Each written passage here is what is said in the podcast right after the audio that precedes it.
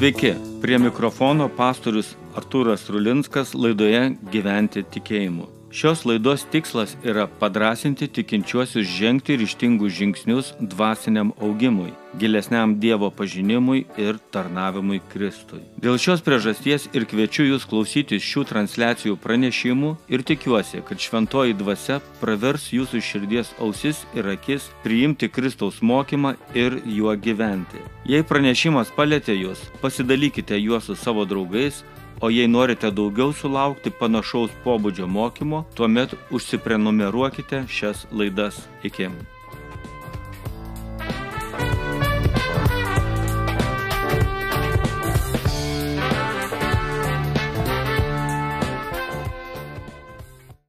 Žmogus pagal Dievo širdį krizės metu, pagal 1 Samuelio knygos 30 skyriaus pasakojimą. Kiek tai galime matyti žmonių gyvenusių tikėjimu ir mylėjusių Dievą, galime kalbėti apie tai, kad tokie žmonės patiria tikrai gilias ir skaudžias krizės. Mūsų viešpats Jėzus Kristus turėjo labai sunkių krizių. Dauguma tikėjimą skelbusio paštalų turėjo pergyventi apsisprendimo ir kančių krizės. Daugelis pirmosios bažnyčios ir per 20 amžių tikinčiųjų susiduria su panašiais sunkumais, kaip jų nesupratimas, paniekinimas, persekėjimas, netgi mirtis ir kankinimas. Tai tikrai yra krizės, kada žmogus galėtų būti laisvas, tačiau kenčia ir nežino dėl ko. Žinoma, niekas savo tokių dienų nelinki ir tikisi jų išvengsis. Tačiau yra taip, kaip sako mokytojas. Atmink kurieją savo jaunystės dienomis, dar skausmo dienoms netėjus ir dar netėjus metams, apie kuriuos sakysi, man jie nemalonus. Dar neužtemus saulės, menulio ir žvaigždžių šviesai ir lietų nešantiems debesims nesugrįžus. Tai dienai atėjus, namų sargai drebės, galiūnai suklups, malėjos liausis malusios, nes jų mažai beliko, o žvelgiantis pro langą matys tamsą. Mokytojo knyga 12 skyrius pirmos trys eilutės. Kada šios dienos yra numatytos mūsų gyvenime? Kada mums sukaks 30, 50 ar 80? Argi tai svarbu? Svarbu, kad mes rasime stiprybę, svarbu, kas bus mūsų draugas ir pagalba šalia, kai aš įeisiu į nelaimių etapą. Šiandien mes vėl pažiūrėsime į žmogaus pagal Dievo širdį gyvenimą didelės krizės metu. Tai tikrai tokia nelaimė, kuri atitinka mokytojo knygos žodžius. Tai dienai atėjus, galiūnai suklups, matys tamsą. Nors Dovydas ir jo vyrai suklupo, smuko ir matė vien tamsą, tačiau iš tos tamsos jie išėjo ir pakilo. Taigi ši istorija ir būtų pasibaigusi toje tamsoje, jeigu ne viešpats. Žmogus pagal Dievo širdį ieško jėgų pas viešpatį. Skaitysiu 1 Samuelio knygos 30 skyriaus 3-6 eilutės. Atėję į miestą Dovydas ir jo vyrai rado jį sudegintą, o jų žmonas, sūnus ir dukteris išvestas į nelaisvę. Dovydas ir su juo buvę kariai aimanavo ir tol verkė, kol jiems pristigo jėgų verkti. Ir abi Dovido žmonos, Ahinoama iš Jezreelio ir Nabalo našlė Abigailė buvo išvestos į nelaisvę. Dovydui iškilo didelis pavojus, nes kariai grasino jį užmušti akmenimis. Visi kariai buvo įniršę dėl savo sunų ir dukterų, bet Dovydas ieškojo jėgų pas viešpati savo Dievą.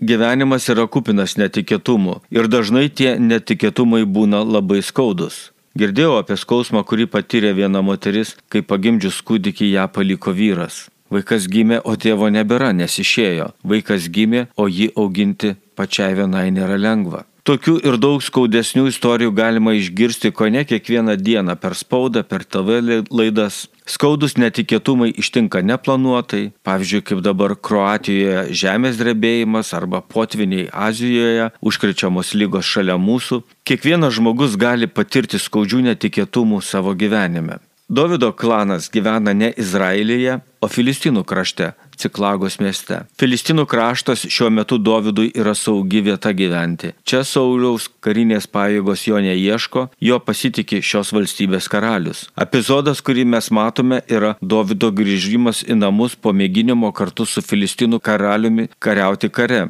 Sunku pasakyti, kokiu motyvu vedamas Dovydas norėjo dalyvauti Filistinų kare prieš Izraelį, tačiau tam nepritarė dauguma Filistinų didžiūnų ir Dovydas su savo kariais grįžta į savo miestą, kurį randa sudegintą, o žmonas ir vaikus išvestus į nelaisvę. Tai visiems šiems vyrams yra labai skaudus netikėtumas ir dar kalties jausmas. Jei mes būtume čia buvę, tai taip nebūtų atsitikę. Dovido ir jo vyrų skausmas ir neviltis tokie intensyvūs, kad jie pristigo jėgų verkti. Sudeginto miesto ir prarasto turto tikrai negaila palyginus su prarastais žmonėmis. Mėginant įsivaizduoti Dovydą ir jo vyrus, kurie buvo nuožmus kovotojai, kurie mušyje žudydavo priešus, kad net nepalikdavo jų gyvų, keista, kad jie taip rauda, juk jie yra geležinių nervų, persekiojimų ir kovų išgyvenimų užgrūdinti vyrai. Kokie jie bebūtų, tačiau čia juos matome pristingančius jėgų verkti. Net ir patys kiečiausi ir tvirčiausi palūšta, kai patiria visai šalia netekti ir skausmą. Žiūrinti Dovydą, jam dar blogiau, nes jo paties gyvybė jau kaba ant plauko. Jis yra šios karių grupės lyderis. Jis juos vedė į mūšį ir paliko neapsaugotą miestą. Jis mane esas stiprus pulti, tačiau pasirodė visiškai silpnas, nes nepasirūpino nei savo šeimos, nei kitų vyrų šeimų saugumu. Beje, panašus dalykai yra mūsų kasdienybėje, kada yra rūpinamasi visais prioritetais ir visais kitais reikalais, o apie savo šeimą yra pamirštama. Tai yra mūsų laikų aktualija. Dovydas dabar yra ne Sauliaus persikėjime, o išgyvenimuose, kurie jos užklupo iš niekur. Staigi ir skausminga nelaimė. Ką tokiu metu galima ir reikia daryti. Šiame vyrų būryje niekas nežino, ką daryti. Geriausia mintis kariams yra užmušti Dovydą akmenimis. Ką daryti, kada niekas nežino, ką reikia daryti? Kokie yra tikrosios lyderystės ženklai, kokie yra žmogaus pagal Dievo širdį veiksmai. Samuelio knygos autorius pastebi ypatingą Dovido bruožą. Bet Dovydas ieškojo jėgų pas viešpati savo Dievą. Tai parašyta pasakojime. Ar mes ieškome jėgų pas viešpati savo gyvenimo netikėtumuose? Iškentėti netekti, pasidalinti skausmą, rasti paguodą, gauti nors kiek ramybės. Kur mūsų mintis krypsta, į ką mūsų protas grežiasi sunkia valanda. Davido vyrai nirto, grasino, griebėsi akmenų, o Davidas ieškojo jėgų pas viešpatį. Koks tavo būdas? Kur tavo jėgų šaltinis? Ar tu toks kaip ir visi žmonės niršti ir keršyti, bausti ir būtinai rasti kaltininką? Ar kaip tas žmogus pagal Dievo širdį, kuris ieško jėgų pas viešpatį. Antra pasakojimo dalis yra apie žmogų pagal Dievo širdį atsakymus randantį maldoje. Dovydas tarė Achimelecho sūnui kunigui Abjatarui, atnešk man efodą. Abjataras atnešė Dovydui efodą. Dovydas teiravosi viešpaties klausdamas, ar turiu vytis tuos užpolikus, ar pasivysiu juos. Jis atsakė jam, vykis, nes tikrai juos pasivysi ir tikrai išgelbėsi. 1 Samuelio 30 skyrius 7-8 eilutės.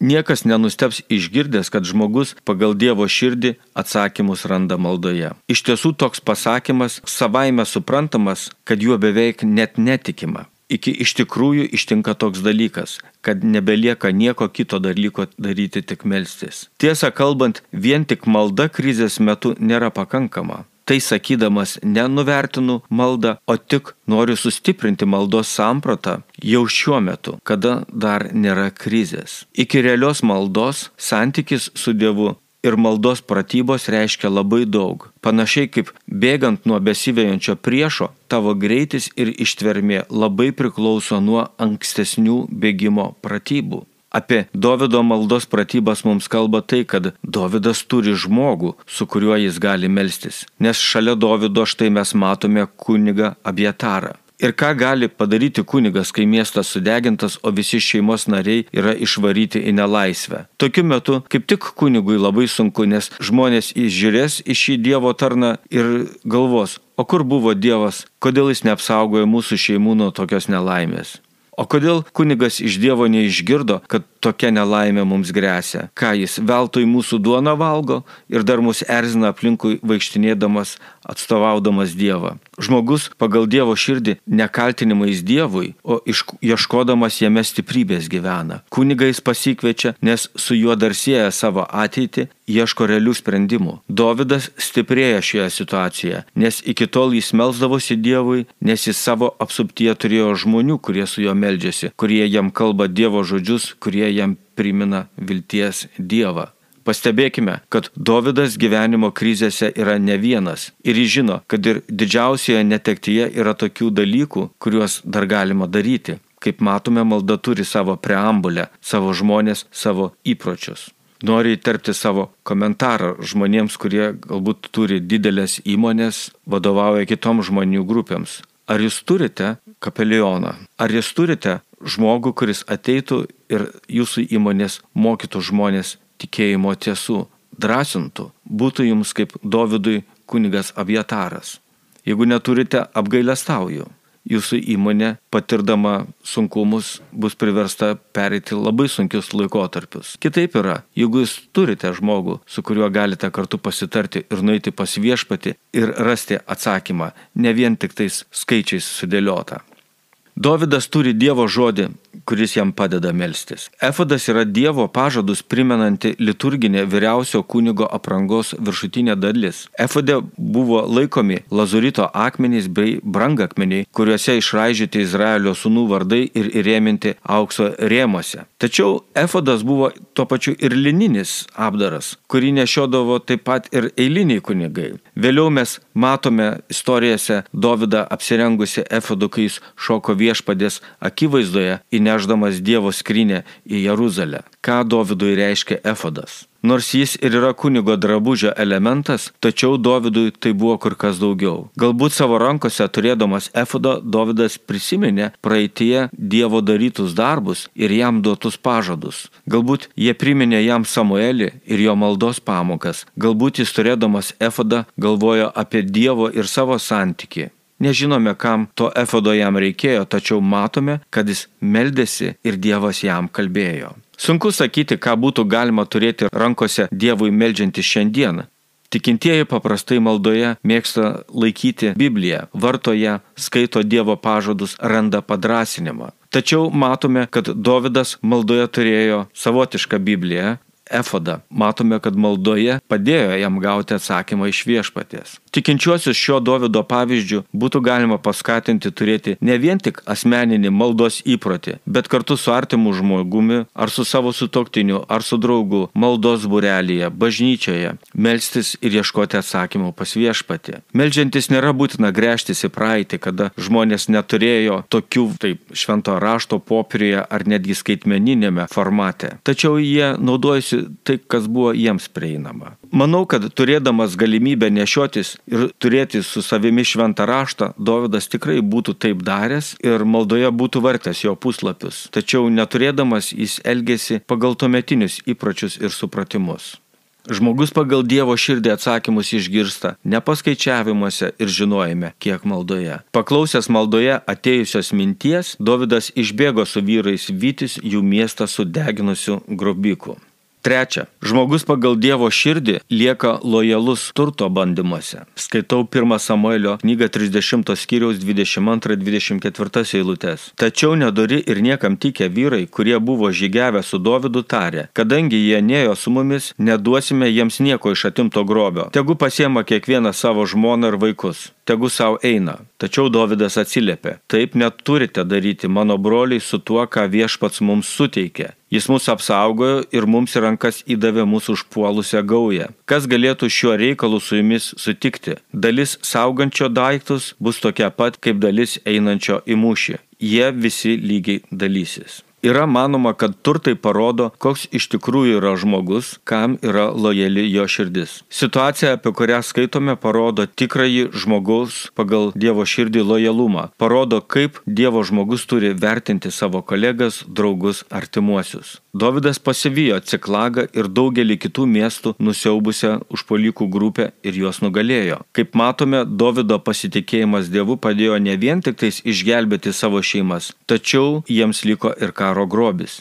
Pamaldumas ir santykis su Dievu yra labai praktiški dalykai. Kai daugelis karių nirto ir norėjo akmenimis užmušti savo lyderį, žmogus pagal Dievo širdį nežinodamas, kur yra iškeliavę grobikai, juos vyjosi. Ir Dievas jiems davė žmogų, kuris žinojo, kur yra ši užgrobikų stovyklavietė. Šio pasakojimo dalyje mes matome vėl didžiulį skirtumą tarp žmogaus pagal Dievo širdį ir natūralaus, normalaus žmogaus. Šis skirtumas išriškėja pamačius, kaip žmonės reaguoja į turtus. Pirma, tai kariai, kurie yra žmonės kaip ir visi ir sako, mes šios turtus užsidirbame. Tai yra mūsų prakaitas ir kraujas, todėl jie mums priklauso. Šitie taip nedirbo, todėl ir negaus. Daugelis žmonių taip ir mano, kad šiame gyvenime kiekvienas uždirbtas ir jų rankas papuolęs euras teisėtai priklauso jiems ir todėl su nieko dalytis jie neprivalo ir nesiruošia. Dėl tokios nuomonės pikti nėra ko, nes visi supranta, kad žmonės, kurių vienintelė viltis yra tik tais šioje žemėje turtai ir vienintelis gyvenimą keičiantis dalykas yra pinigas, tą faktiškai jie tik ir te gerbė. Antra, mes girdime ir kitą požiūrį, kuris yra Davido nuomonė. Visą tai mums suteikė viešpats. Kas ne kas, tačiau jis tikrai nemažiau už savo vyrus vyjosi priešus, kovojo, rizikavo savo gyvybę, tačiau sako, viešpats suteikė pergalę. Taip pat Davidas, kaip ir visi vyrai, paėmė visą tą karo grobį ir jo mąstymas apie tai lieka toks pat. Viešpats mums ir tai davė turtai Davido požiūrio nekeičia. Nors iš tiesų daugelio žmonių požiūrį į Dievą turtai pakeičia visiškai. Kiekvienas iš mūsų turime tam tikrą požiūrį į mūsų turtus, daiktus, drabužius, nusavybę. Vieni iš mūsų sakome, tai mano, aš užsidirbau, kiti sakome, tai yra Dievo, jis man davė, kad aš visą tai naudočiau dėl savęs. Davido pavyzdys mus moko mąstyti ir gyventi tokiu požiūriu. Visą gerą mums suteikia Dievas ir mums visų juo suteiktų gerų reikia dalytis. Šventajame rašte yra nemažai istorijų apie tikinčius žmonės, kurie tai, ką gauna ar turi, supranta, kad tai yra iš Dievo. Jobas ne vien tik apie prarastus vaikus, bet ir apie savo turtus sakė. Viešpats davė ir viešpats atėmė, te būna pašlovintas viešpatės vardas. Jėzus primena, kad turtai žmogų išbando. Jis sako, pasėlis tarp perškiečių. Tai tas, kuris klauso žodžio, bet šio pasaulio rūpeščiai ir turto apgaulė nustelbia žodį ir jis lieka nevaisingas. Evangelija pagal matą 13 skyrius. Per turtus žmogus gali būti Dievui visiškai nevaisingas. Supratimas apie žemiškus turtus ir ką aš su jais turiu daryti formuoja žmogų ir netgi daro didžiulę įtaką, kuris praleis amžinybę. Jeigu suprantu, kad turtas yra iš Dievo, tuomet mastau, kaip gyventi su tuo turtu, kad jis būtų panaudotas pagarbinti Dievą. Jeigu noriu užsidirbti ir turėti turto tik dėl savęs, tuomet Dievas nėra pagarbintas per tai, ką aš gaunu. Dievas per duotus ir ne neduotus turtus